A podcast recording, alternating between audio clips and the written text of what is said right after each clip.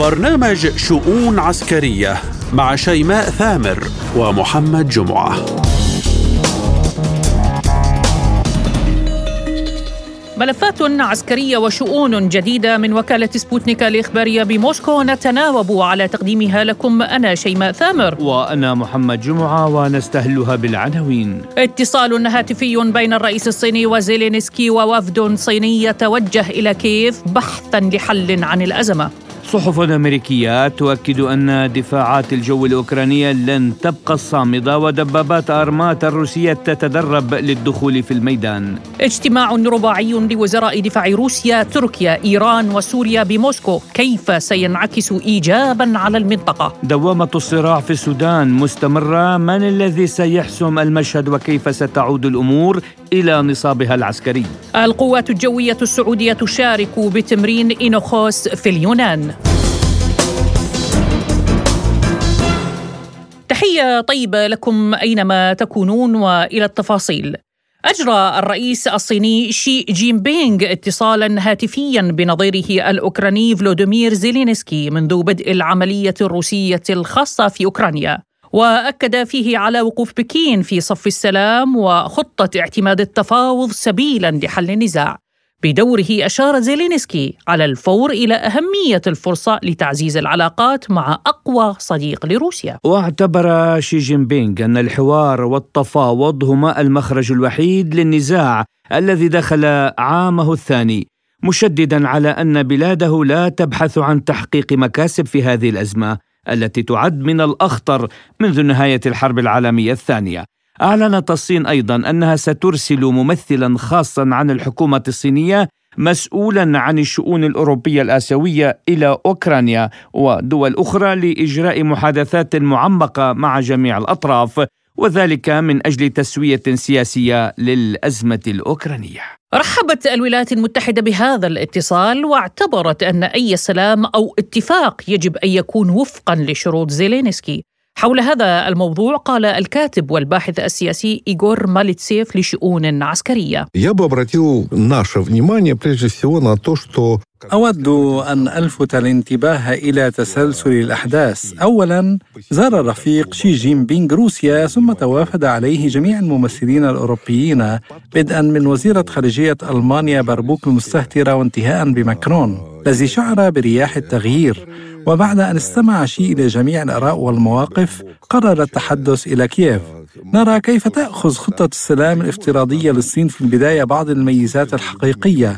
ويتجلى نفس الشيء في تعيين السفير السابق لجمهورية الصين الشعبية لدى روسيا عندما يتم إجراء مهام محددة ويصبح الأشخاص مسؤولين عن مهام معينة فهذا يعني اقتراح بعض الأعمال مع تشغيل الآلية ذات الصلة. إنهم يعرفون ذلك في بكين وفي موسكو ويعرفون عنها في أوروبا والآن يعرفون عنها في كييف أيضاً. بدوره اعتبر سيرجي ساناكويف رئيس مركز أبحاث آسيا والمحيط الهادئ أن تعيين السفير الصيني السابق لدى روسيا كمبعوث لكييف خطوة مهمة جدا. То, что не было посла Украины в Китае, говорит всего лишь... إن حقيقة عدم وجود سفير أوكراني في الصين تتحدث فقط عن السلوك الفظيع لكييف لقد وضعوا بعض الإنذارات قائلين إنه ليس لديهم ما يتحدثون عنه حتى الآن وهو سلوك غريب عند التعامل مع واحدة من أكبر القوى في العالم ويعتبر تعيين لي هوي الدبلوماسي ذو الخبرة العالية الذي شغل منصب سفير الصين لدى روسيا لسنوات عديدة خطوة مهمة ومفيدة للغاية. من ناحية أخرى لا ينبغي للمرء أن يكون لديه أي أوهام في أن الأمريكيين سوف يوقظون كييف ويقولون أن أوكرانيا بحاجة إلى التفكير بالهجوم المضاد. ميدانيا قال المتحدث باسم الرئاسة الروسية ديمتري بيسكوف في تعليقه على تصريح لندن حول نقل قذائف اليورانيوم المنضب إلى كييف أن هذا التصرف يثير الحزن. مشددا على أنه يجب على البريطانيين أن يدركوا أنهم سيتحملون كامل المسؤولية عن عواقب ذلك. ووفقا لمصادر إعلامية أمريكية مقروءة إن أوكرانيا يمكن أن تبقى إلى نهاية الربيع بدون وسائل دفاع جوية. وذلك بسبب استنزاف احتياطات صواريخ أرض جو السوفيتية والغربية الصنع وليست هناك آمال كبيرة بتعويضها لذلك روسيا ستحقق السيطرة الكاملة في أجواء أوكرانيا وهذا ما سيؤثر سلبا على الأوضاع في كل الجبهات. قال البنتاغون إن الدفاعات الجوية الأوكرانية المخصصة للدفاع عن القوات المرابطة في الحدود الأمامية ستجد نفسها بحلول الثالث والعشرين من مايو أيار مستنزفة تماما وهذا ما يسمح للطائرات الروسية بأن تلعب دورا أكبر في ميدان القتال. وتحرز نجاحات جسيمة في مسرح العمليات الحربية. على الجانب العسكري التقني صرح مصدر مطلع لوكالة سبوتنيك الإخبارية بأن القوات المسلحة الروسية بدأت باستخدام دبابات تي 14 أرماتا من الجيل الجديد في منطقة العملية العسكرية الخاصة في أوكرانيا. يذكر أن دبابة أرماتا هي أول دبابة روسية تصلح لخوض حرب ما يسمى بالشبكات المركزية حيث تؤدي الروبوتات دورا محوريا في نجاح المعركة. نستمع إلى ما قاله الكاتب الصحفي فيكتور بارانيتس فيما يخص هذا الموضوع. في الآونة الأخيرة كنا نتحدث عن حقيقة أن أطقم دبابات أرماتات تخوض أعمالا تدريبية في إحدى ساحات التدريب الجنوبية.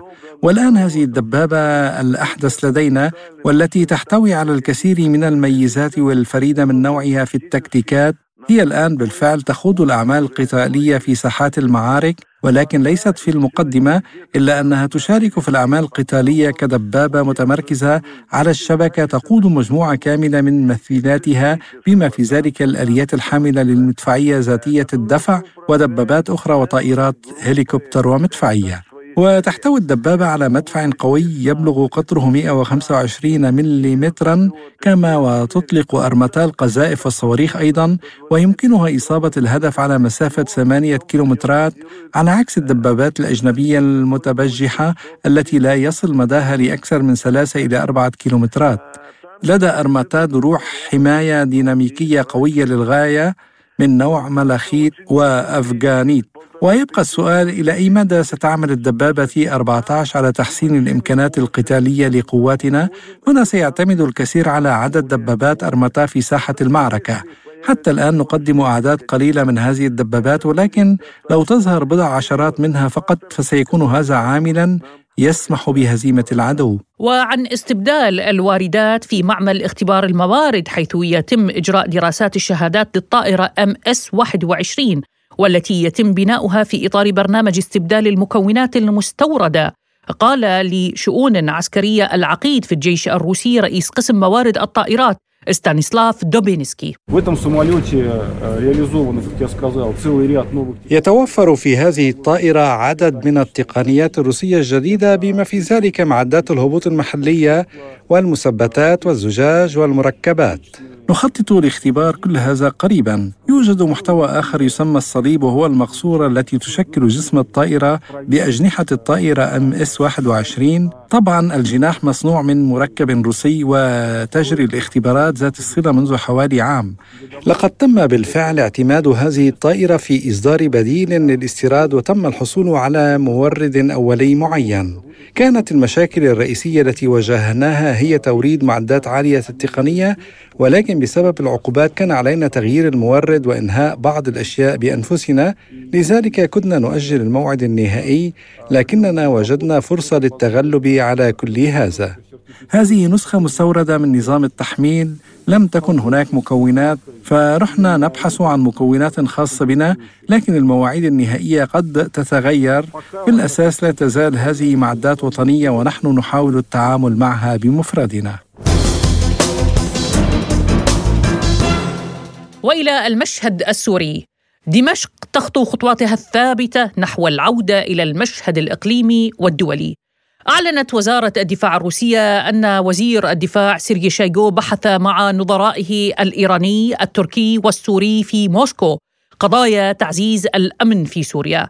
وأضافت الوزارة أن وزراء دفاع وقادة الأجهزة الأمنية لسوريا وروسيا وتركيا وإيران ركزوا في مباحثاتهم على محاربة كل المجموعات المتطرفة في سوريا وأكدوا حرصهم على الحفاظ على وحدة الأراضي السورية كما تطرقت المحادثات لضمان الأمن الإقليمي. وبعد قطيعة دامت 11 عاما اجتمع في موسكو في ديسمبر كانون الأول الماضي وزير الدفاع التركي ونظيره السوري بحضور ومشاركة وزير الخارجية الروسي واتفقا على تشكيل لجان مشتركة من مسؤولي الدفاع والمخابرات تعقد اجتماعات لها في العاصمة الروسية ولاحقا في كل من أنقرة ودمشق كان وزير الدفاع التركي قد أكد أن الغاية الرئيسية من هذا الاجتماع هو تعزيز الأمن والاستقرار في المنطقة. للحديث عن هذا الموضوع ينضم معنا عبر الهاتف من سوريا الباحث في العلاقات الدولية الدكتور بشير بدور. أحييكم دكتور بشير معنا ببرنامج شؤون عسكرية وأشكرك على تلبية الدعوة. بداية كباحث بالعلاقات الدولية دكتور كيف تقرأ عودة سوريا إلى الحضن العربي والإقليمي؟ تداعيات تلك العودة على المشهد الأمني السوري. نعم آه، تحية لكم تحية إلى الإخوة المستمعين. آه، يعني اليوم قراءات واضحة وكبيرة جدا وربما نتحدث عن جسور إنسانية هامة كانت عبر الشهرين الماضيين. بعد طبعا يعني ما جرى من كارثة طبيعية الزلزال الذي حدث. بعدها رأينا أن هناك جسورا إنسانية من مختلف الدول الإقليمية العربية الصديقة وحتى التي كانت يعني معادية في مرحلة ما أو داعمة لمشروع صهيو أمريكي في المنطقة. قد أيضا آه، فتحت جسورا إنسانية. جاء آه، إمدادا لما جرى من كارثة ورافقتها رافقت هذه الجسور أيضا جسورا آه، سياسية. هذه الجسور رأيناها كيف أنها تمخضت في إنشاء علاقات جديدة أو تمحورت في يعني كما يقال أن تعود سوريا. وأنا هنا أضع بين هلالين أن سوريا لم تخرج حتى تعود.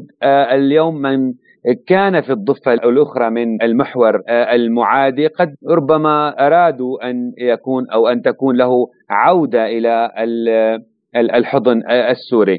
بطبيعة الحال يعني هي يعني يجب أن تكون هكذا. طبعا لا حرب مستمرة لا سلام مستمر. الحياة السياسية دائما يعني عبر محطات أو كيتونات معينة. تبقى رهان الواقع الدولي والإقليمي بشكل عام. اليوم هذا طبعا يعطي انعكاس هاما جدا على الداخل السوري آه، خاصة عندما صدر قرار برفع العقوبات وهذا يعطي أيضا عقوبات الاقتصادية من الإدارة الأمريكية وهذا أيضا يعطي مؤشر على انفتاح العلاقات الاقتصادية هذا جانب مهم جدا. آه، هناك تحركات دبلوماسية وسياسية على مستوى الحالة الإقليمية والدولية كانت آه، البعض منها زيارة السيد الرئيس بشار الأسد والبعض منها زيارة وزير الخارجية أو بعض السياسيين والدبلوماسيين إلى آه، هذه الدول. سيما وإننا أيضا كما يعني آه، نعلم هناك آه، يعني نقترب من انعقاد قمة وهناك يعني دعوات أو ربما كلام إعلامي لم يصدر حتى الآن شيء رسمي من الدولة السورية. لكن يعني ربما أن نقول أن هناك يعني دعوة إلى حضور الدولة السورية وأخذ مقعدها في الجامعة العربية أو عودة مقعدها إلى الجامعة العربية. إذا كلها آه، يعني تجاذبات آه، تقاربات تشي بأن القادم آه، أفضل بطبيعة الحال. على الأقل يمكن أن نقول وقف دعم أو مد الإرهابيين الذين يقاتلون بالوكالة عن الإدارة وعن بعض الأنظمة الداعمة. هذا جانب جدا مهم. التعافي الاقتصادي للدولة السورية انعكاس هام جدا لما جرى. أيضا نوع من الطمأنينة والأكثر مشهدية تعيشها البلاد في حالة من الاستقرار. هذا أيضا جانب مهم. اذا جملة الأشياء نتحدث بها مدة جسور إنسانية بعد حادثة الزلزال ترافقت مع جسور وتجاذبات سياسية أعطت نتائج وانعكاسات هامة جدا على المستوى الأمني على المستوى على دعيني أقول المشهدية السورية ارتياح عام ارتياح اقتصادي ارتياح سياسي ارتياح أيضا اجتماعي وأمني في سبيل الوصول إلى حالة من يعني أكثر استقرارا والعوده إلى ما كانت عليه الدولة السورية فيما سبق. نعم دكتور أيضا كيف هي قراءتكم لاجتماع وزراء دفاع كل من تركيا وروسيا وإيران وسوريا في موسكو؟ هذا الاجتماع الذي وصفه وزير الدفاع التركي بأنه جاء لتعزيز الأمن والاستقرار بالمنطقة. آه، نعم آه، حقيقة الأمر كان اجتماعا يعني هاما جدا اجتماع وزراء دفاع كل من تركيا وروسيا وإيران وسوريا. هذا الاجتماع أعتقد أنه حاجة يعني وحاجة ضرورية هامة لهذا المحور. اليوم هناك عمليات عسكرية تجري في أوكرانيا. الدولة الروسية تتصدر المشهد الدولي. طبعا هي ليست بحاجة لأن تضم جغرافيا جديدة في أوكرانيا. هي اليوم آه، تقف إلى جانب المستضعفين. دعني أقول وخاصة أن الإدارة الأمريكية تعيش حالة من الاستكبار والغطرسة والتدخلات في آه، شؤون البلاد. تحاول من خلال أوكرانيا التدخل في الخاصرة الروسية. اليوم روسيا آه، ردت بذلك وفق القانون الدولي. اليوم إيران أيضا لها ذات المعاناة مع الإدارة الأمريكية، سوريا اليوم والموقف يعني من آه، بعض النقاط التركية العسكرية الموجودة في الجغرافيا السورية. إذا هي حاجة ضرورية لهذا الاجتماع. وإذا كان الاجتماع على مستوى وزراء الدفاع أيضا يعطي الدلائل ليس فقط يعني السياسية أيضا الدلائل حتى القانونية في أن تكون أو تعود الأمور إلى إلى نصابها إلى آه، المرجعية القانونية والأحقية بعض التجاذبات أو بعض الأخبار تقول أن هناك تقاربا تركيا آه، سوريا. لحل هذا الخلاف؟ سوريا تؤكد دائما على أن آه، هذا الخلاف يحل آه، وفق قرارها السيادي بأن يكون أولا خروج للنقاط العسكرية التركية المتواجدة وهي طبعا توصيفا قانونيا محتلة بهذا الأمر. إذا هي أيضا حاجة. إذا هذا الاجتماع اليوم يخدم جميع الأطراف التي اجتمعت في موسكو من وزراء دفاع وسبق أعتقد نواب لوزراء الخارجية. آه، كلها يعني آه، يمكن أن نضعها في سبيل تعزيز السلام وتعزيز دور المنطقة والمحور اليوم هذا المحور إن كان اوراسي أو حتى على المستوى الإقليمي. إلى جانب طبعا أن يكون هناك وقفة. لا أقول نوع من التصدي لفقط القرارات الأمريكية لأعمال الإدارة الأمريكية في المنطقة لخروقاتها للقانون الدولي آه، التعديات التي آه، آه، مارستها الإدارة الأمريكية عبر ثلاث عقود بعد أن طبعا أخذت مكانها الدولي على اعتبار أنها تمارس الأحادية القطبية والقرارات الأحادية وتسيطر على المفاصل القانون الدولي وتسيطر على المنظمات الدولية. هذا الأمر لن يستمر وأعتقد أن المرحلة قد بدأت في أن يكون هناك موقف جمعي بين هذه الدول المناهضة للقرارات الأمريكية والممارسات الإرهابية التي تقودها الإدارة الأمريكية. هذا الاجتماع اليوم كما ذكرت هي حاجة هي ضرورة هي آه، آه، يعني نوع من آه، ترتيب الأوراق للمنطقة من ضمنها يعني أن يكون حالة وفاق حالة تفاهم على أن تركيا اليوم لم تعد الصبي المدلل عند الإدارة الأمريكية وعليها أن تعود أدراجها وتسحب قواتها وتوقف دعمها للميليشيات ولهذه الجماعات الإرهابية التي تقاتل بالوكالة عبر 12 عاما من الحرب. اذا هو ضرورة وحاجة للمنطقة بشكل عام. إن كنا نتحدث للمنطقة الإقليمية أو حتى على المستوى الدولي كمنطقة جغرافية أو حتى على مستوى العلاقات الدولية في احترام القانون الدولي وعودة آه، الأمور أو هذه الدول إلى احترام مفاصل القانون وقواعد القانون الدولي. دكتور قبل أن أختتم معكم يعني دعني أسألكم ما يتطرق إلى الكثير من الأذهان، يعني العالم اليوم يشهد تجاذبات كثيرة، متغيرات كبيرة، صراعات عديدة إن صح التعبير، والملف السوري واحد من أهم الملفات التي يرى البعض ضرورة حل مشاكله وموسكو كانت ولا زالت عرابا إن صح التعبير لمساندة سوريا بكل أزماتها. كيف تقرأ الدور الروسي في تهيئة أرضية جديدة لسوريا وسط جاراتها الإقليمية السعودية، تركيا وإيران وأتحدث انعكاس ذلك على المنطقة دكتور. حقيقة الأمر يعني إذا كنا اليوم آه، نشهد هذه التجاذبات، هذه الحركات أو التحركات على المستوى الإنساني وعلى المستوى السياسي والمتغيرات لإنهاء الكثير من الملفات، يعني ليس الموضوع يتعلق فقط في الملف السوري، قلنا سابقا أن مشروعا امريكيا أو صهيو امريكيا كان يراد له النجاح في المنطقة. هذا جانب جدا مهم. قدمت الإدارة الأمريكية الكثير من الأموال والأعمال الإرهابية ودعمت وكان هناك دعم من بعض الأنظمة الإقليمية لهذه الإدارة لأجل إنجاح هذا المشروع. هذا المشروع اليوم آه الذي آه يعني يقضي بأن تكون هناك آه كيتونات آه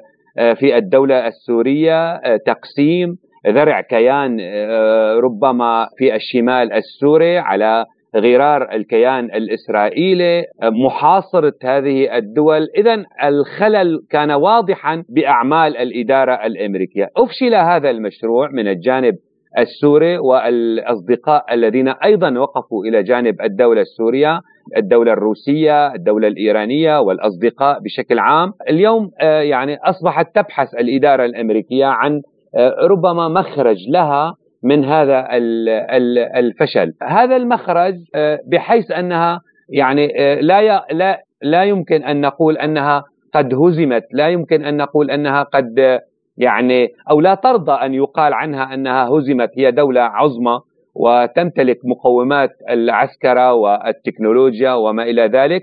ولذلك يعني وبشكل أعتقد وهذا رأيي الشخصي بشكل تفاهم ما مع إيه، كل الأطراف أن تخرج الإدارة الأمريكية من هذا المستنقع الذي لم تفلح به على الإطلاق ولكن بسوية معينة، لذلك من مخرجات هذا الأمر أن تعود سوريا إلى الحضن العربي، هذا جانب يعطي يعني إشارة ومرجعيات هامة جدا، هذا جانب مهم، اليوم أن تكون موسكو عرابا لهذا الأمر أيضا بقوتها الجديدة عندما أيضا تصدت للقرارات الغربية الأوروبية والأمريكية وأعطت حدا آه، هاما جدا وموقفا آه، متماسكا عندما قالت كلمة الفصل بأنها لن تسمح لأي اعتداءات أو لأي خروقات أو لأي هجمات على إن كان أراضيها أو على مجتمعها أو على قرارها السيادي. كان لها الموقف الإيجابي الكبير جدا. الصين اليوم يعني بموقفها آه، آه، آه، الاقتصادي والعلاقة التي أو ربما أقول التحركات التي جرت مؤخرا من تجاذب إيراني سعودي عبر القناة الصينية. كلها اليوم يعني إن صح التعبير أقول لي ليس فقط آه، أن تعود سوريا أو أن تكون هناك آه، عودة وإنهاء آه، هذا الملف للسوري لا حقيقة الأمر هو ملف إقليمي دولي. يعني المحور الاوراسي الشرقي بشكل عام إلى جانب الدولة السورية وإيران والمنطقة الإقليمية كانت أصبحت بحاجة إلى أن توقف هذا المد الغربي. وهذا آه، الهجمات هذه الخروقات هذه التلاعب بالقانون الدولي وفرض عقوبات اقتصادية على من تريد الإدارة الأمريكية. الخبير والباحث في العلاقات الدولية الدكتور بشير بدور كنت معنا ضيفا كريما بشؤون عسكرية. شكرا لكم. وإلى السودان حيث ما زالت دوامة الصراع في هذا البلد العربي مستمرة وسط عجز واشنطن عن التحكم بالمشهد السوداني ومطالبات للجاره مصر بالتدخل والمساهمة في حل الأزمة. في وقت أكد فيه وزير الخارجية الروسي سيرجي لافروف أن موسكو قادرة على إنهاء تلك الأزمة. ويبقى المراقب ليسأل. ويطرح العديد من التساؤلات. لماذا السودان تحديدا؟